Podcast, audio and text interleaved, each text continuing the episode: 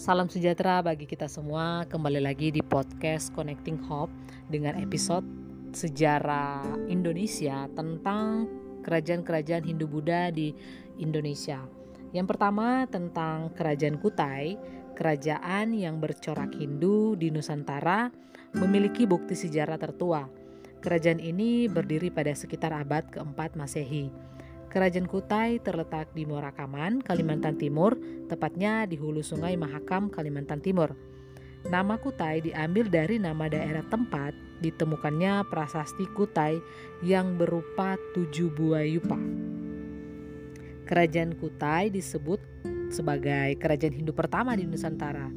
Peninggalan sejarah yang membuktikan kerajaan Kutai sebagai kerajaan Hindu pertama adalah ditemukannya prasasti bentuk Yupa menggunakan bahasa Sanskerta dan huruf Palawa.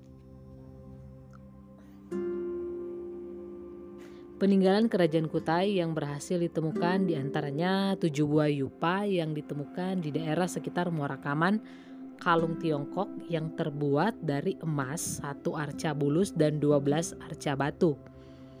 Nah, bagaimana sih kehidupan masyarakat pada masa kerajaan Kutai dengan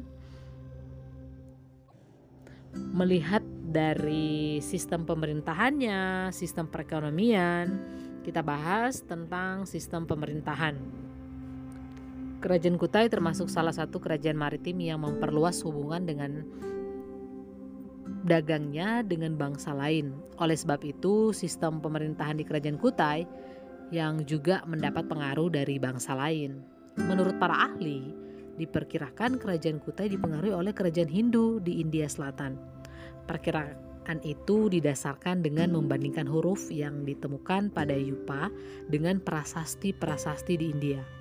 Sistem pemerintahan di kerajaan Kutai menganut sistem pemerintahan kerajaan atau monarki di mana seorang raja mempunyai kekuasaan penuh dalam mengatur rakyatnya. Kekuasaan yang dimiliki oleh raja diberikan secara turun-temurun menurut garis keturunannya. Raja-raja yang pernah berkuasa pada kerajaan Kutai adalah sebagai berikut. Yang pertama, Kudungga adalah raja pertama kerajaan Kutai. Raja ini adalah founding father kerajaan Kutai karena dianggap sebagai pendiri kerajaan Kutai. Nama Kudungga dianggap unik karena nama Kudungga merupakan nama lokal atau nama belum dipengaruhi oleh budaya Hindu. Hal ini kemudian melahirkan persepsi para ahli bahwa pada masa kekuasaan Raja Kudungga, pengaruh Hindu baru masuk ke Nusantara. Kedudukan Kudungga pada awalnya adalah seorang kepala suku. Dengan masuknya pengaruh Hindu, ia mengubah struktur pemerintahannya menjadi kerajaan dan mengangkat dirinya menjadi raja, sehingga pergantian raja dilakukan secara turun-temurun. Yang kedua, Yang kedua, Raja Aswawarman adalah putra dari Kudungga. Prasasti Yupa menyatakan bahwa Aswawarman merupakan raja yang cakap dan kuat. Pada masa pemerintahannya, wilayah kekuasaan kerajaan Kutai semakin diperluas. Hal ini dibuktikan dengan pelaksanaan upacara Asmaweda. Upacara ini pernah dilakukan di India pada masa pemerintahan Raja Samudragupta ketika ingin memperluas wilayahnya. Dalam upacara itu dilaksanakan pelepasan kuda dengan tujuan untuk menentukan batas kekuasaan kerajaan Kutai.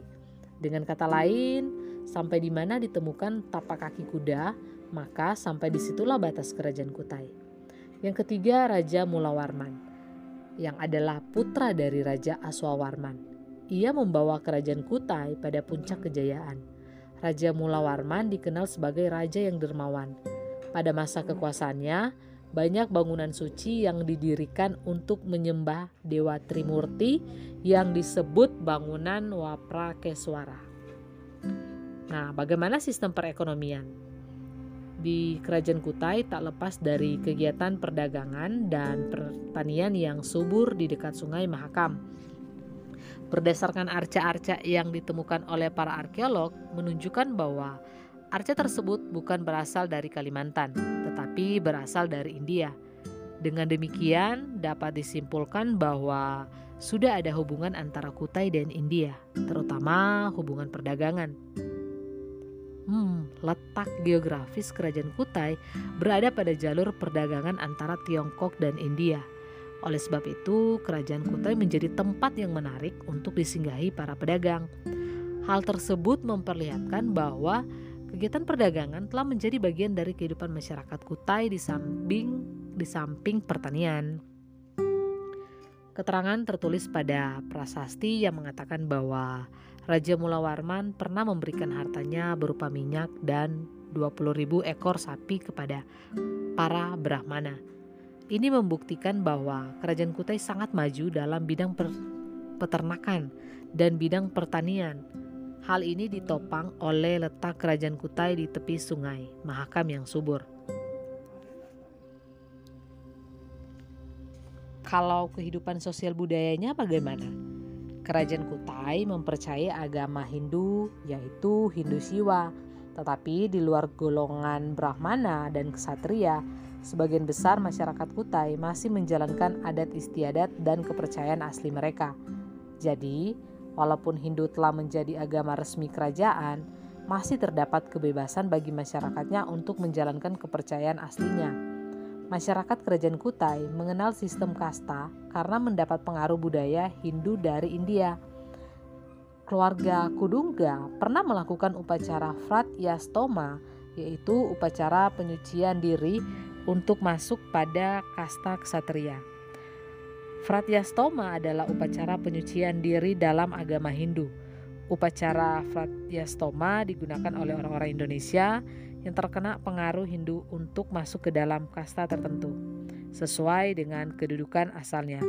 Dan setelah upacara ini diadakan, biasanya disusul dengan pergantian nama Ciri-ciri kehidupan budaya masyarakat Kutai di antaranya sebagai berikut. Yang pertama, masyarakat Kutai adalah masyarakat yang menjaga akar tradisi budaya nenek moyangnya yang kedua, menjunjung tinggi keagamaan dalam kehidupan kebudayaannya. Yang ketiga, masyarakat Kutai juga sangat respon terhadap perubahan dan kemajuan budaya. Hal ini dibuktikan dengan kesediaan masyarakat Kutai untuk menerima dan mengadaptasi budaya luar dari India ke dalam kehidupan masyarakat.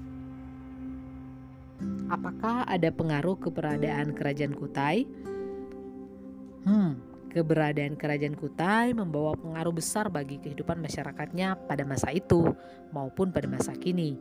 Kehidupan yang tertib dan makmur terbukti dari beberapa prasasti dan yupa yang ditinggalkan.